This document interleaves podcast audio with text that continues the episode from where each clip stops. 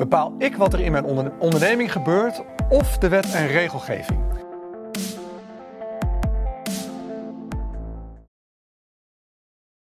Welkom bij Wereldnieuws. Mijn naam is Nico Sloot en samen met strateeg en onderzoeksjournalist Twan Hoeber zit ik hier om te kijken naar de mondiale ontwikkelingen en de invloed daarvan op ons eigen huishouden en natuurlijk op onze portemonnee.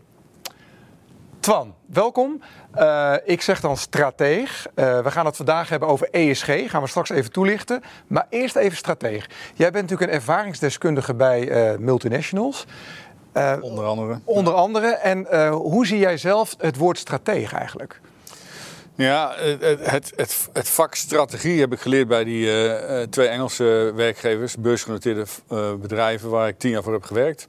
Uh, ik zat in een divisiedirectie, vielen 28 bedrijven onder. En dan moet je voor die 28 bedrijven moet je een koers bedenken voor de komende jaren. Die stel elk jaar bij. Dat doe je op basis van marktinformatie en trendsanalyses. Ga je, ga je kijken van welke kant gaat het op, waar hebben we onze winstgevendheid gemaximaliseerd. En dat plan wat je daar beschrijft, dat heet de strategie. En uh, nou, dat heb ik dus daar geleerd. En later, uh, toen ik voor mezelf begon in een maatschap, uh, is dat een van de belangrijke onderdelen geweest van het werk wat ik de afgelopen twintig jaar heb gedaan. Het mooie is denk ik wel hè, dat je dan heel, ook heel erg kijkt denk ik, naar de verbanden. De verbanden in de wereld, wat gebeurt er mondiaal en, en wat, hè, hoe, wat levert dat op? Of wat zijn de gevolgen daarvan hè, voor je eigen bedrijf of je huishouden in, in, bijvoorbeeld in Nederland, hè, in ons land. Dus dat we ja. kijken naar macro, naar micro en, en wat gebeurt er dan. Vandaag gaan we het hebben over ESG. Nou, ESG, ik denk dat veel mensen misschien niet eens weten wat het is. Environment, Social en Governance. Nou, allemaal moeilijke termen. Uh, kan jij dat een beetje toelichten? Kan het ook een beetje in het Nederlands? dat is ook wel handig, denk ik. Ja, uh, zeker, zeker. Uh, het zijn mooie Engelse termen, maar het betekent in wezen omgeving, milieu... Um, uh, sociale gebeuren, zeg maar hoe, hoe, een werkgever omgaat met zijn werknemers, het, het, sociale ondernemerschap. En governance, hoe wordt een onderneming bestuurd? Daar gaat het over, over die drie dingen. En die drie uh, ESG, die, die, drie woorden zijn ontleend aan, ontleend aan een uh, strategie die de Verenigde Naties al langere tijd geleden heeft bedacht. In de vorm van Sustainable Development Goals. Nog een Engelse term. De klimaatdoelstellingen. Klimaatdoelstellingen, ja. ja. Het, het, de agenda 2030 en 2050, die zijn in wezen overgenomen door een aantal belangrijke partijen en, en ingebed in de politieke keuzes van heel veel westerse landen. Ja. En waarom is dat dan? Want ik kan me zo voorstellen, als je dit zo hoort, hè, uh, klimaatdoelstellingen, hè, we weten allemaal een beetje wat er met de aarde uh, aan de hand is. Hè. We hebben er maar eentje. En uh, ja, er moet wel wat gebeuren, denk ik, hè, met de ecologie. Mm-hmm. we hebben het over klimaat, milieu. Dit gaat over milieu, over omgeving. Maar dit klinkt eigenlijk wel als muziek in de oren, dat er allemaal mooie dingen komen. Zeker. Ik, uh, ik, vind, ik, heb, ik heb zelf, toen ik nog bij die multinationals werkte, altijd gedacht van... het zou toch mooi zijn als we wat meer aan het klimaat konden doen, aan, onze, aan sociaal werkgeverschap. Uh, al die dingen die ook uh, gepromoot worden door het World Economic Forum enzovoorts. Ik heb dat altijd belangrijk en mooi gevonden. Alleen wat je nu ziet is dat het een zodanige vlucht neemt... dat het eigenlijk de keuzevrijheid van mensen en van ondernemers en van burgerschap beperken... En uh, eigenlijk ook leidt tot een stuk ondergraven van, van je eigen doel kunnen kiezen in het leven. Het wordt te veel van bovenaf opgelegd. En daarom is het goed om hier aandacht aan te besteden wat het is en uh, welke kant het op gaat. Ja, ik ben zelf ondernemer, maar ik ben natuurlijk ook gewoon vader. Hè. Ik heb, hè, we hebben een huishouden en ik kijk graag vanuit die positie naar hè, wat er dan op ons afkomt. Ik moet zeggen, als ondernemer vind ik dat er wel veel op ons afkomt qua regelgeving. Hè. Daar zijn we, hebben we ook mee geopend. Ik wil graag de regie in mijn eigen leven houden, in mijn eigen onderneming. Vind ik heel belangrijk. Mm-hmm. Daarom ben ik ook natuurlijk ondernemer geworden. Maar als ik jou dan zo hoor, denk ik van... oh, wacht even, er komt weer nog meer regelgeving. We hebben al maatschappelijk verantwoord ondernemen. Uh, we hebben al zoveel dingen die op ons afkomen als ondernemer. UBO, ik kan er nog wel heel, heel stel noemen. Ben ik zelf nog wel in de positie om te ondernemen? Of, of welke kant gaat dit op, uh, Twan? Uh, de harde waarheid is dat, dat je steeds minder te vertellen hebt over je eigen onderneming. Uh, en ik, ik, zal even kort uitleggen wat het inhoudt. Hè. Die, ESG-principes die worden neergelegd in wetgeving. De EU heeft daar een, nieuwe verordening voor gemaakt. Die is uit 2019. En die is eigenlijk dit jaar een beetje stilletjes in werking getreden vanaf 1 januari. En het houdt in dat bedrijven van een bepaalde grootte, vanaf 500 medewerkers, die zijn verplicht om een aantal van die ESG-principes in hun uh, jaarlijkse praktijk op te nemen. Bijvoorbeeld, ze moeten bij gaan houden hoeveel uh, uh, wilde of diersoorten en plantensoorten op hun bedrijfsterrein voorkomen. En zorgen dat die niet worden bedreigd. Dus als je, stel je hebt een fabriek en je hebt er een, een voetbalveld aan grasveld omheen liggen. En er zitten allemaal schattige eekhoorntjes of bepaalde diersoorten. Zeldzame, zeldzame, zeldzame vlinders. Ja. Dan moet je, nou ik zeg een beetje, maar je moet dat, je moet dat inventariseren, wat is dat? En je moet dat in stand houden. Hetzelfde geldt voor uh, zaken als, uh, heb jij voldoende balans in je bedrijf tussen mannelijke en vrouwelijke werknemers? Heb jij, is de beloning daarvan gelijk? Dat moet je allemaal bij gaan houden. Je moet het inventariseren, bijhouden en je moet er ook over rapporteren in je jaarverslag. Dat is de bedoeling. Ja. Dus dat betekent voor die grotere bedrijven, en 500 denk je van nou, dat is wel een behoorlijk groot bedrijf. Maar als jij bijvoorbeeld, stel je bent eigenaar van een holding met 10 bedrijven van 50 man eronder, dan moet je dat ook doen. Al die bedrijven moeten dat doen en die moeten aan jouw holding rapporteren wat er gebeurt op dit gebied. Maar als ik kijk naar, uh, want we hebben het hier dan, met name als je kijkt naar het MKB, hier heb je het over de grootbedrijven eigenlijk, de multinationals. Daarvan kan ik me nog een beetje voorstellen, nou die kunnen daar wat mensen opzetten. Hè? Dat is misschien nog te doen. Alhoewel, als het alleen maar regelgeving is, dan vraag ik me dat ook af. Mhm. Maar bij de wat kleinere bedrijven lijkt me dat nogal lastig. Ja, nou het klopt wat je zegt. Uh, het gaat niet alleen om multinationals. Want wat ik al zei, 500 FTE, dat, ja, daar hoef je geen multinational voor te zijn. Uh, ik ken zelf bedrijven, familiebedrijven die die grote hebben en, en dus aan deze verplichting moeten voldoen. En, en het probleem erbij is dat uh, de vertaalslag van die 500 medewerkers die gaat al steeds verder terug naar kleinere aantallen. Want uh, volgend jaar, 2024, moeten bedrijven vanaf 250 medewerkers uh, aan deze dingen gaan voldoen. er is gezegd, tenminste staat in die EU-stukken, dat het voorlopig daarbij blijft. Maar het is niet uitgesloten dat uiteindelijk dit ook verder wordt doorgerold naar nog kleinere bedrijven. En als je kijkt naar de praktijk, dan zie je dat uh, het MKB, waar we het net over hadden, die kleinere bedrijven, minder dan 250 man, laten we zeggen 50 man.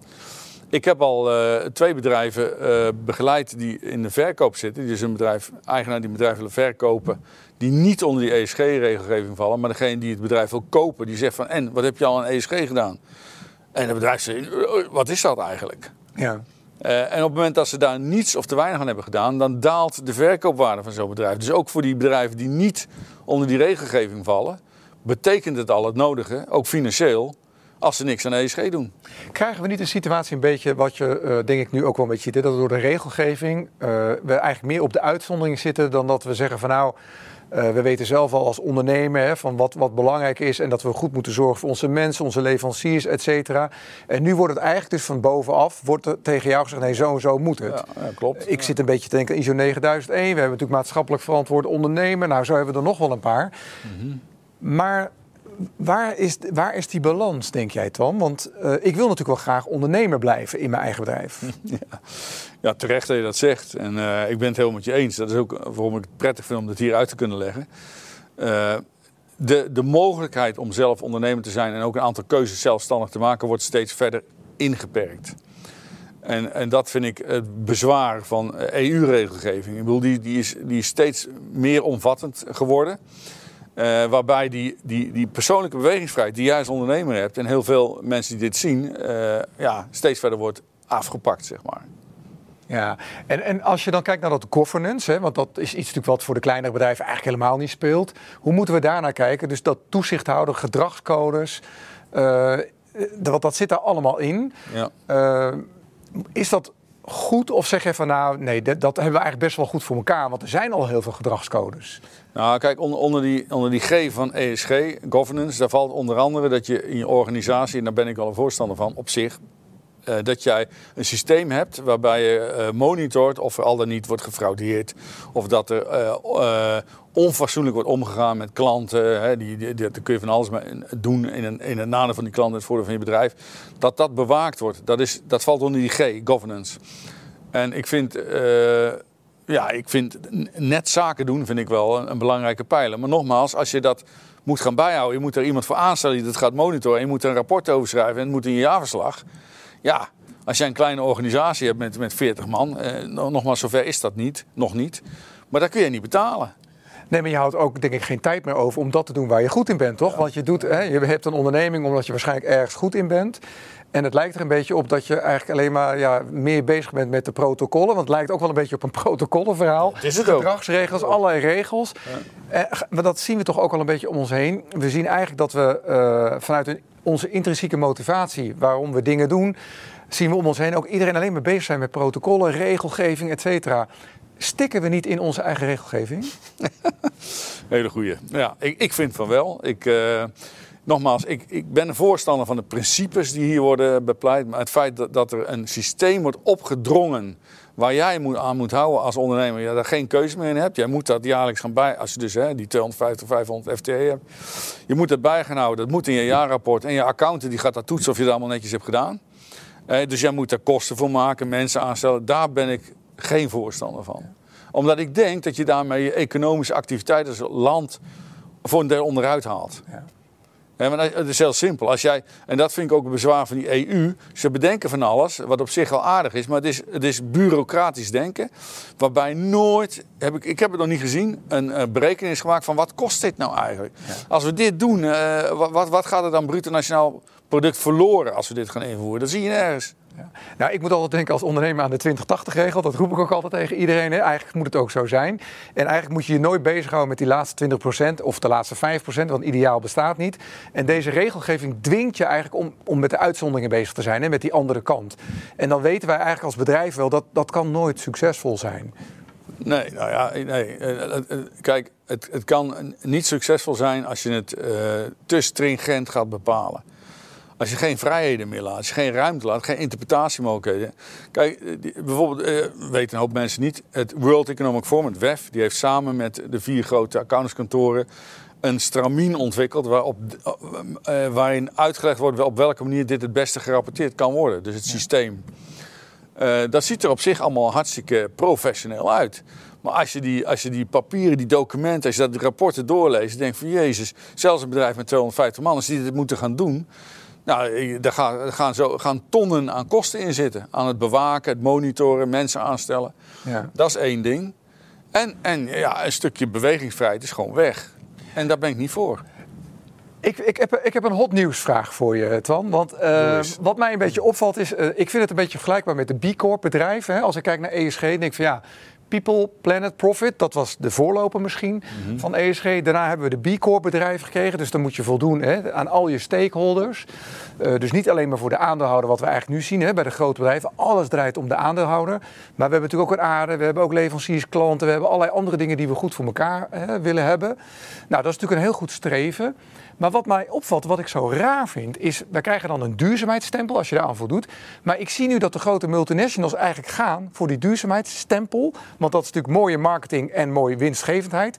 Maar dan denk ik, hoe zit dat nou? Want zij betalen helemaal geen belasting. En belasting is toch het allereerste waaraan je zou moeten voldoen om aan onze infrastructuur te kunnen voldoen. Ons sociaal vangnet, ons milieu, ons klimaat. Dat vind ik raar. Hoe moet ik dat zien? Ja, je, je praat wat mij betreft over een stukje gebruik of misbruik van deze regelgeving. Als je ESG toepast in bedrijven, nogmaals, de principes ben ik zeker niet op tegen. Maar de, de regeldrift waarmee het al moet gebeuren, de kosten mee, eh, vind ik ongezond. Als je dat vertaalt naar multinational, die dat wat makkelijker op kan brengen. En die er ook een, uh, een, een marketingstempel uh, op kan drukken. Van kijk eens, wij zijn ESG en wij hebben... Ja, B Corp is eigenlijk hetzelfde als, als ESG-proef, zeg maar. Als je dat hebt en je kunt dat uh, laten zien aan de hand van je jaarverslag en je accountantscontrole straks dan heb je een, een verkoopargument van kijk eens, ik ben environmental friendly en uh, social ja. uh, acceptable bezig geweest. En dat, dat is gewoon een, een, een manier om je producten makkelijker te verkopen. En wat dat betreft wordt dat gebruikt, zeker. Er is zelfs een boek over geschreven, over uh, wat, wat je net aan. Dat heet Woke Inc. Kan ik iedereen aanraden, dat boek. Dat gaat over hoe grote bedrijven, maar vooral multinationals, gebruik maken van deze regelgeving, deze nieuwe regelgeving, om meer producten, meer omzet te genereren. Maar wel ten koste van het MKB, waar ik, die ik zo graag zou zien overleven. Nou ja, ik denk dat het een belangrijk item is. Ik ben zelf natuurlijk een, een MKB-bedrijf. En, uh, en, ja, wat ik dan heel oneerlijk vind, is dat ik uh, eigenlijk alle belastingen betaal. En ik zie dan die grote bedrijven, de, zie ik dat ze dat niet doen. En die roepen dan het hardst dat ze zo duurzaam, duurzaam zijn. En die hebben allerlei mooie nou, certificaten.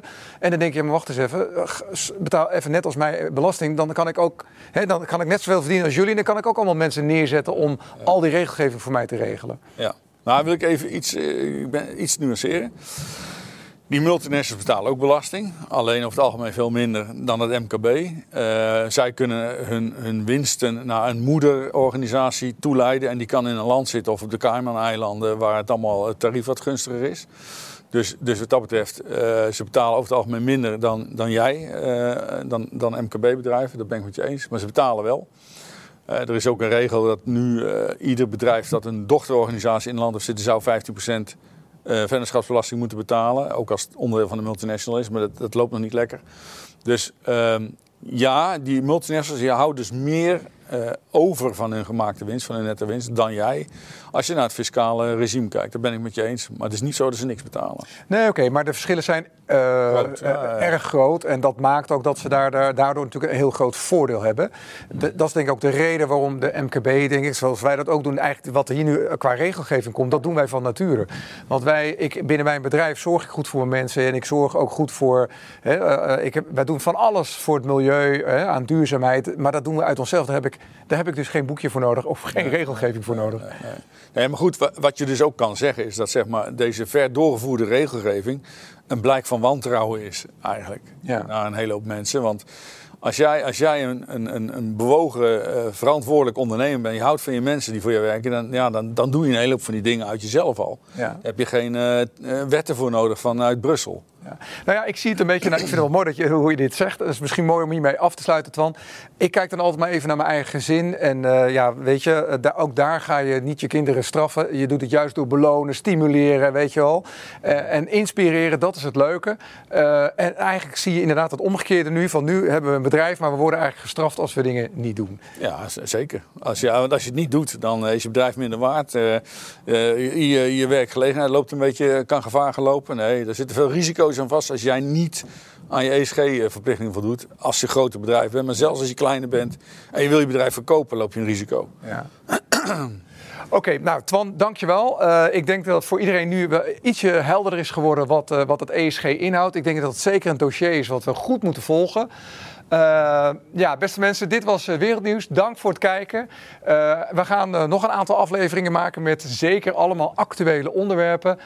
als jullie dit leuk vinden, reageer op, op YouTube over de onderwerpen, wat jullie ervan vinden. Laat het aan ons zien. Ga, maak opmerkingen, dat vinden we natuurlijk heel erg gaaf.